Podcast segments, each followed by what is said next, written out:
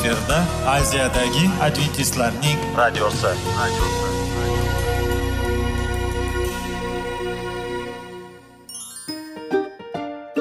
Assalomu alaykum aziz radio tinglovchilar. Sog'liq daqiqasi rubrikasiga xush kelibsiz. Zero tananing sog'lom bo'lishi va uning kasalliklardan saqlash har bir insonning burchi hisoblanadi.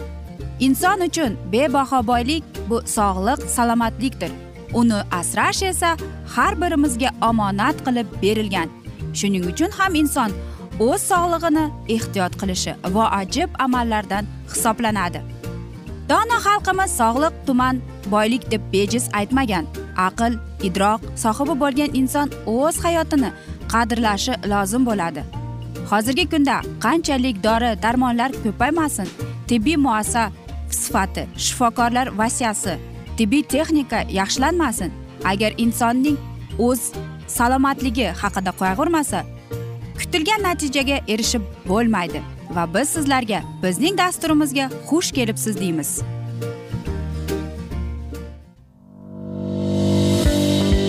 Sog'liq daqiqasi soliqning kaliti qiziqarli ma'lumotlar faktlar. Har kuni siz uchun foydali maslahatlar. Sog'liq daqiqasi rubrikasi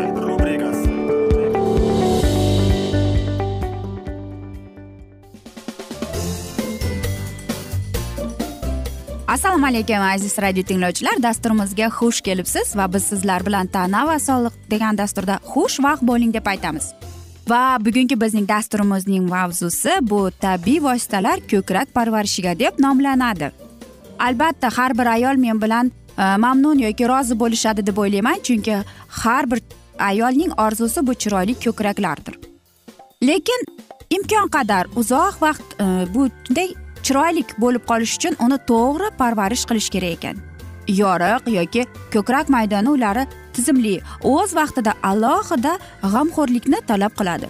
Bu sohada teri juda nozik va quruqlikka moyil bo'lib qoladi ekan. Yoshligini va yengillovchiligini va elastikligini muntazam ravishda kosmetik vositalardan foydalanib turish kerak ekan. Bunda sizga nima yordam beradi? Xalq ta'riflari yoki foydali maslahatlarmi? Ko'krak uchun issiqlik sovuq yoki massaj kerak bo'lar ekan.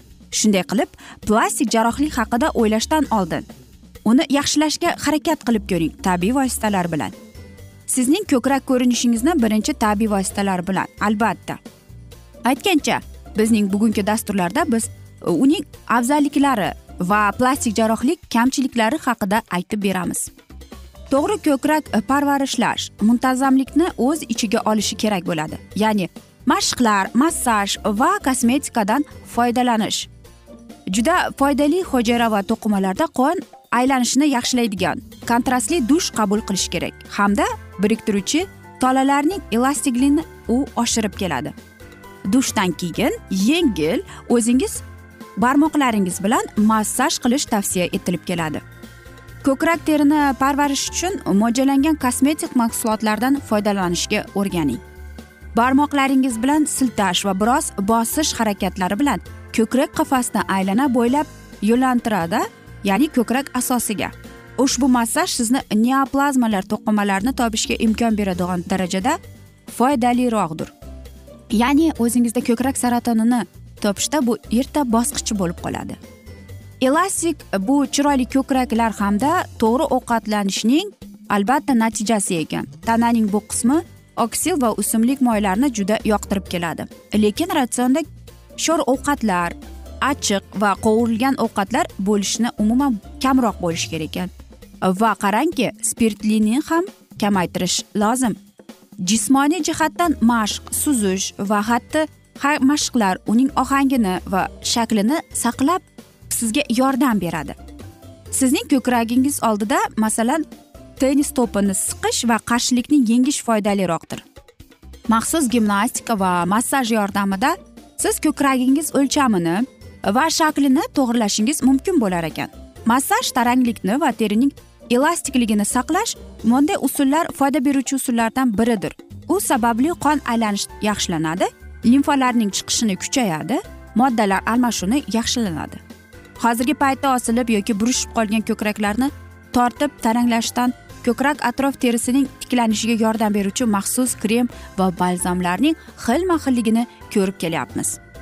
Massaj qilib turib har doim teri va mushaklaringizga ta'sir qiladigan kuchingizni to'g'ri taqqislang bunda sizga albatta professional massajistga sizga murojaat qilishganingiz ma'qulroqdir. Bunda qanday bo'ladi deymiz? Ya'ni ko'p massajlarning xili bor lekin sizga akva yoki gidromassaj sizga yordam berib keladi.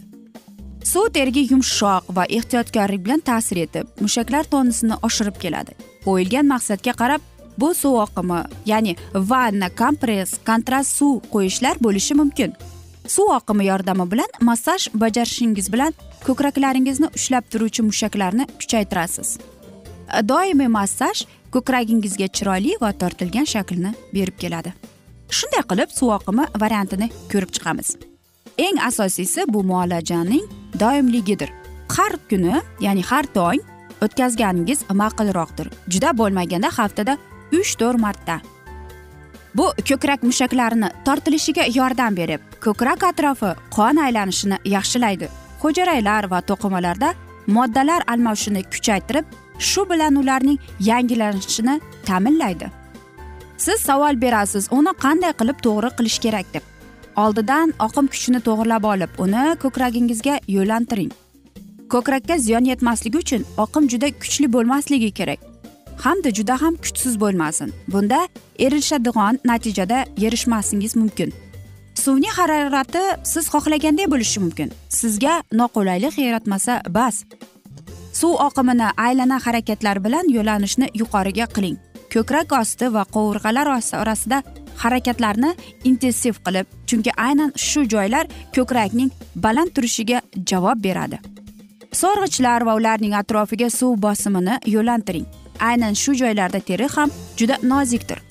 Oqimni bir tekisda ravon yuqoriga keyin qo'ltiq ostiga so'ng ko'krakning yuziga qarating.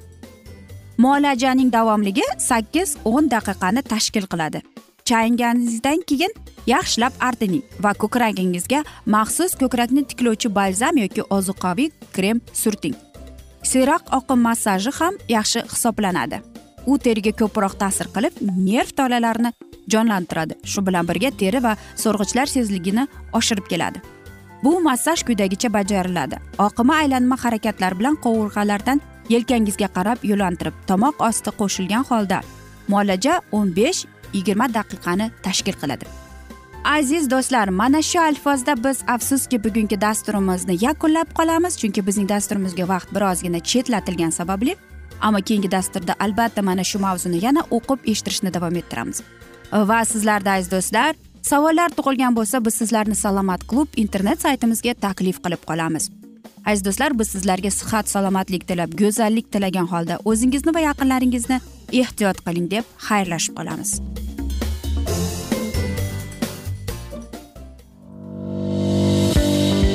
Sog'liq daqiqasi soliqning kaliti qiziqarli ma'lumotlar faktlar. Har kuni siz uchun foydali maslahatlar. Sog'liq daqiqasi rubrikasi. Rubrikasi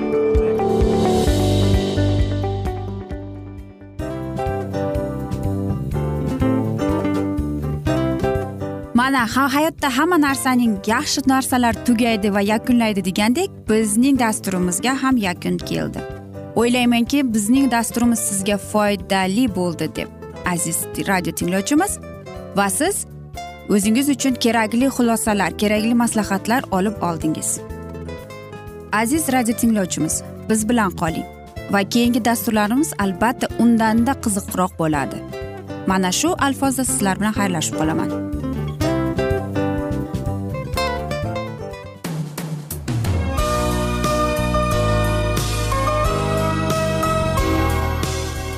Efirda aziyadagi adventistlarning radiosi.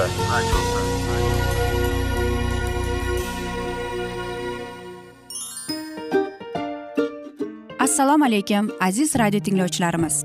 Dil izhori dasturimizga xush kelibsiz. Pul insonni baxtli qiladimi? Albatta yo'q. Sog'liqchi albatta bo'lishi mumkindir. Lekin olimlar shuni isbotlashdiki to'liq va mukammal munosabatlar insonlarni baxtli qilar ekan. Albatta biz hayot davomida biz yaqin insonlar bilan odamlar bilan aloqada bo'lamiz va ular bilan munosabatlarimiz qanday kechadi qanday tuziladi? Yigit va qiz er va xotin ota ona va farzandlar va yaqin insonlar bilan. Balkim hozirgi vaqtda kimnidir hayoti yoki munosabatlari buzilyapti. Va bizning dasturlarimiz ularga yordam bo'ladi deb. Va oldinda sizlarni qiziqarli intervyular va mavzular kutyapti va biz umid qilamizki siz biz bilan qolasiz deb.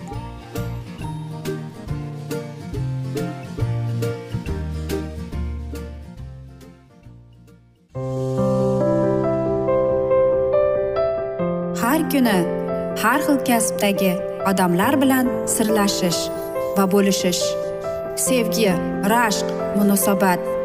Bularni hammasi dil izhori rubrikasida.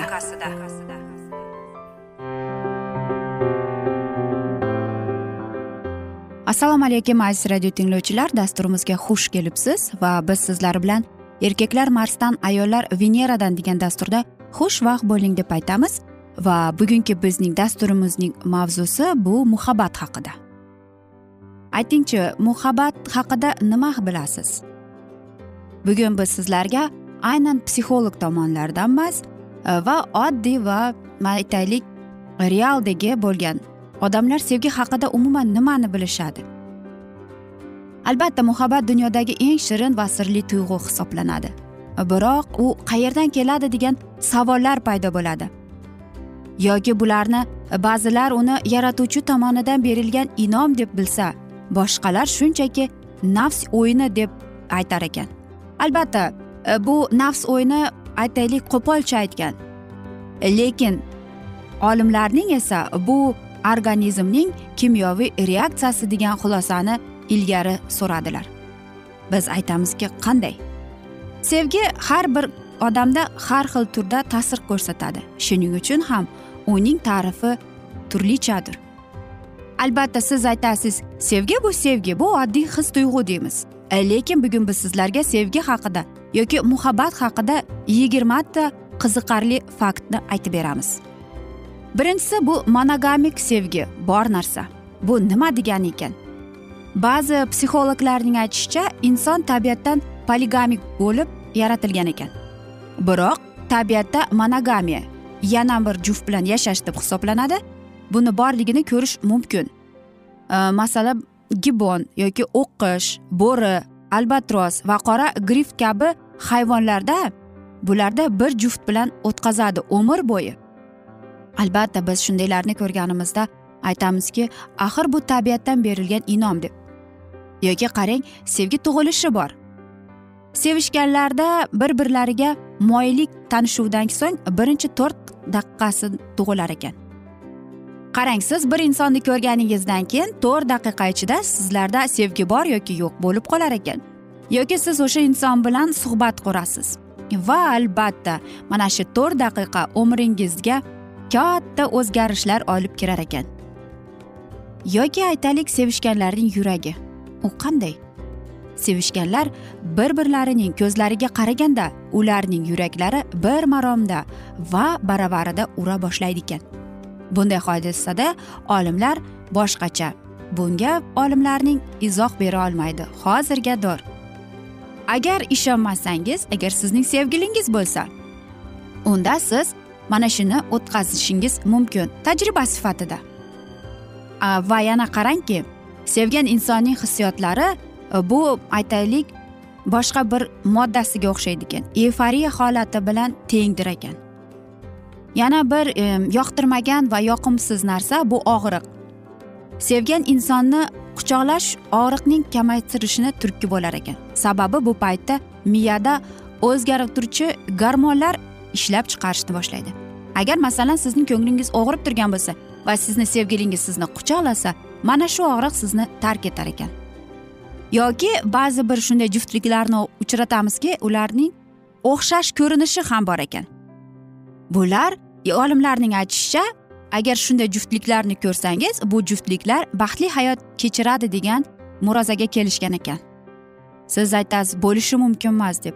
Lekin qarangki masalan ko'p juftliklarni ko'rsak yoki er xotinni ko'rsak yillar o'tgan sari ular bir biriga o'xshab qolishadi. Yana bir narsa bu bir xil dunyoqarash. Albatta dunyoqarashlari bir xil juftliklarning munosabatlari bu osongina boshlanadi.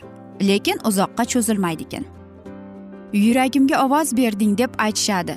Yuragimga ovoz berding degan gap mulog'aba emas qayg'u.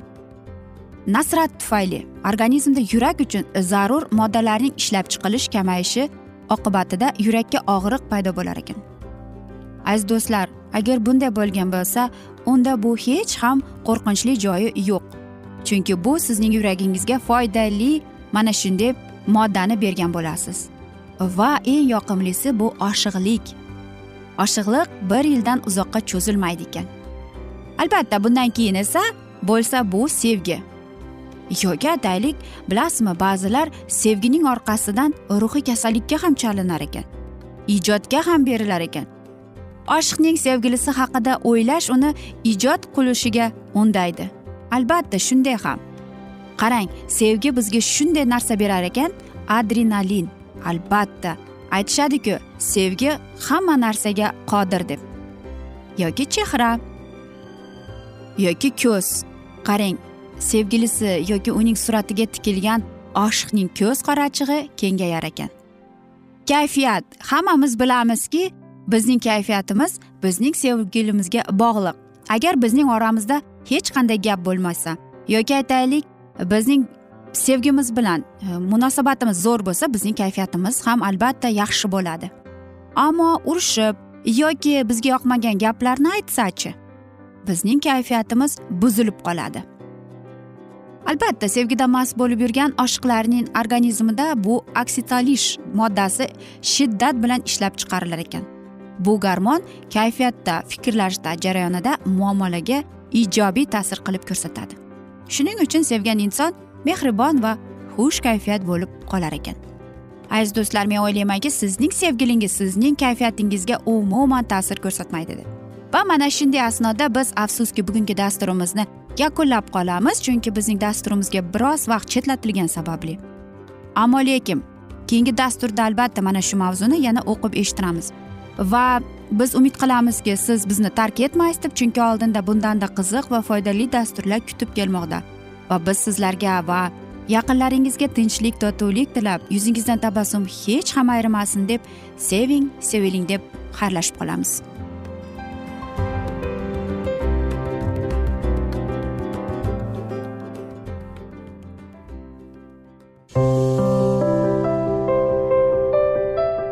Har kuni har xil kasbdagi odamlar bilan sirlashish va bo'lishish.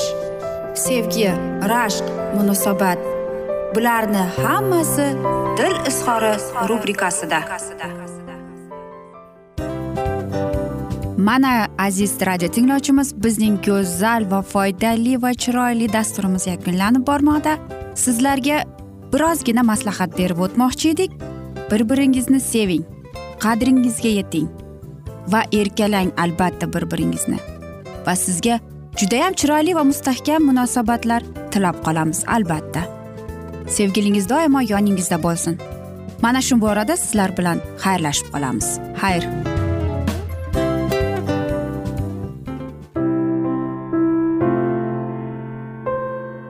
Hayotning noni. Qiziqtirgan savollar va javoblar. Buning hammasi ko'ngil uchun oziqa rubrikasida.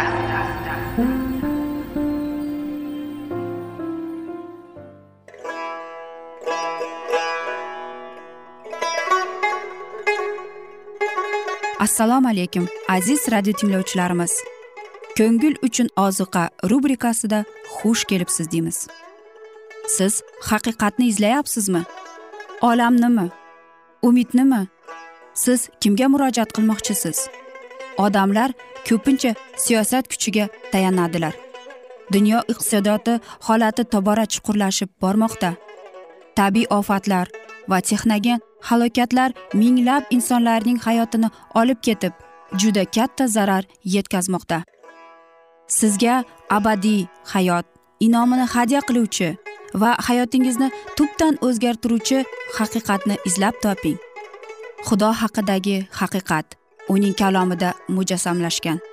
Kimki bu haqiqatni butun qalbi bilan izlasa albatta unga yetishadi. Bu sevgi xudoning tarixidir. Hayotingizda yoki sizning yon atrofingizdagi olamda nimalar yuz berishidan qat'iy nazar? Siz ertagi kunga buyuk umid va ishonch hosil qilishingiz mumkin. Hozirda xudo sizga taklif qilayotgan umid ishonchga o'z qalbingizni oching va sizni qiziqtirayotgan mavzularni savollaringizga javoblaringizni topib olasiz deb umid qilamiz. Biz bilan qoling.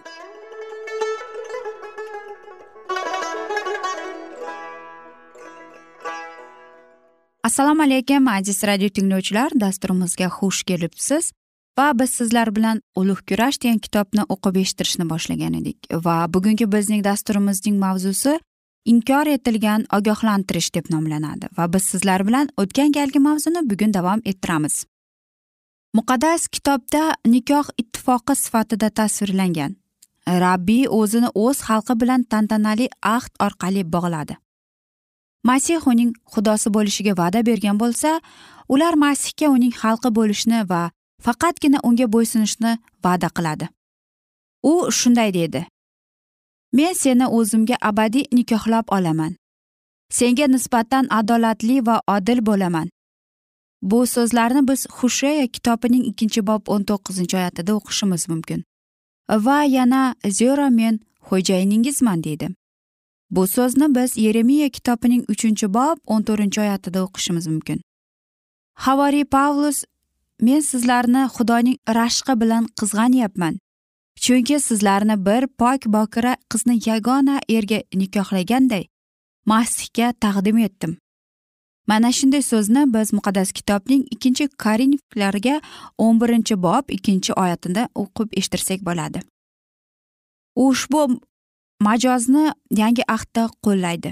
Nopok jamoat masihga ishonishni va uni sevishni bas qilib dunyoviy huzur halovatga berilib ketganda u er xotinlik ahdiga xiyonat qilgan bevafoga o'xshaydi.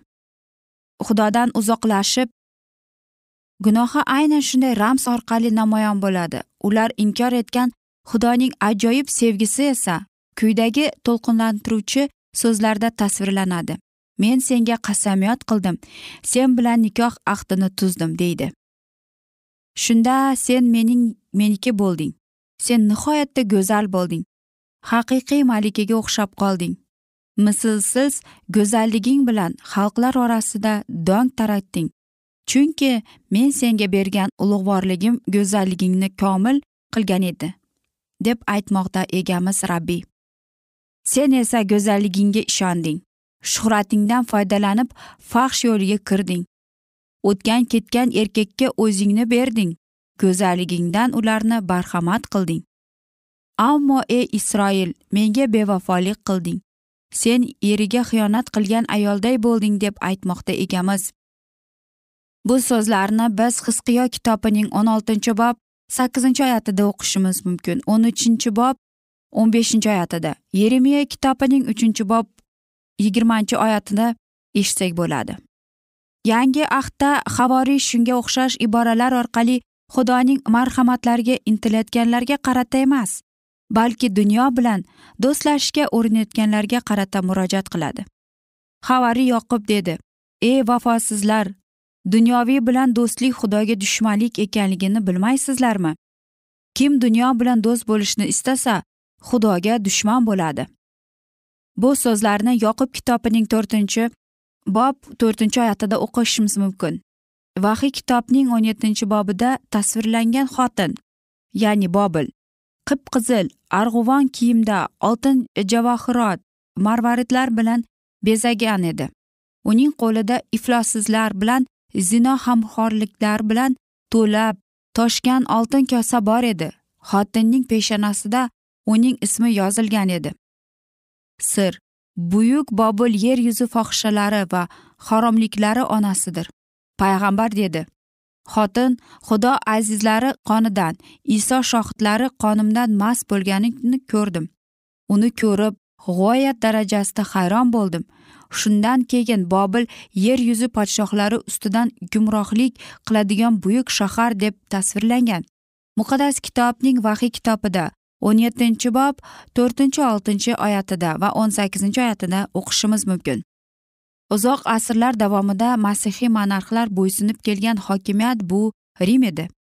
Parfira monarxlarning tantanali damlarda kiyadigan to'q qizil uzun ustki kiyim va arg'uvon kiyimlar qimmatbaho toshlar duru marvaridlar bularning hammasi rim ruhoniylarining ulug'vorligi va manmalikni turli ranglarda tasvirlab beradi. Hech bir boshqa hokimiyat haqida u muqaddaslarning qoniga shu darajada to'ygan deb aytib bo'lmaydi. Axir aynan rim masih izdoshlarini dahshatli va yovuz quvg'inga duchor qilgan. Bobil yer yuzidagi podshohlar bilan noqonuniy tarzdagi gunohda ayblandi. Xudodan uzoqlashgan va majusiylarga qo'shilib ketgan yahudiy jamoati fohishaga aylandi.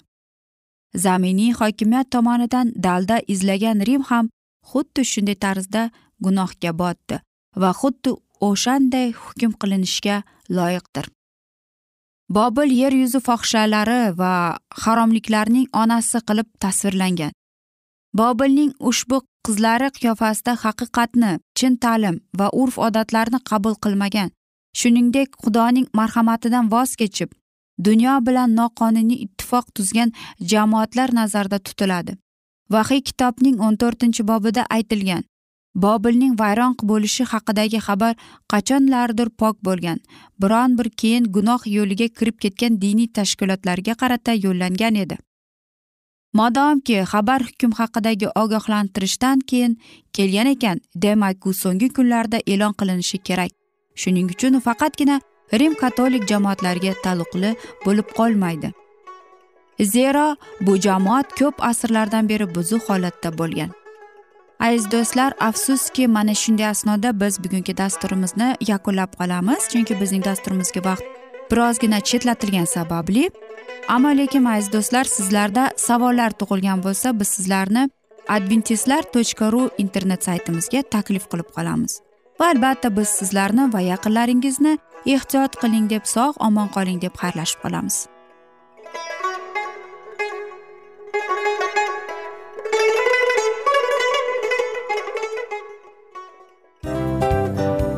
Mana aziz radio tinglovchimiz hamma yaxshi narsaning yakuni bo'ladi degandek bizning ham dasturlarimiz yakunlanib qolmoqda. Aziz do'stlar o'ylaymanki bizning dasturlarimiz sizlar uchun judayam foydali bo'ldi deb. Bizning dasturlarimizdan siz o'zingizga foydali va judayam kerakli maslahatlar oldingiz deb. Masalan sog'liq borasida. Biz sizlarga sog'liq tilaymiz albatta lekin bizning maslahatlarimizga ham amal qilishga unutmang. Munosabatlarga kelganda bu munosabatlar chuqur va yaxshi bo'lishi uchun uni ustidan ishlash kerak albatta. Diniy masalaga kelsak aziz do'stlar bu judayam jiddiy va chuqur nazarni talab qiladi. Ammo biz sizlar bilan xayrlashib qolmaymiz keyingi dasturlarda eshittirishimizni davom ettiramiz va sizlar bilan mana shu yaxshi kayfiyatda xayrlashib qolamiz. Va keyingi dasturlarda ko'rishguncha xayr!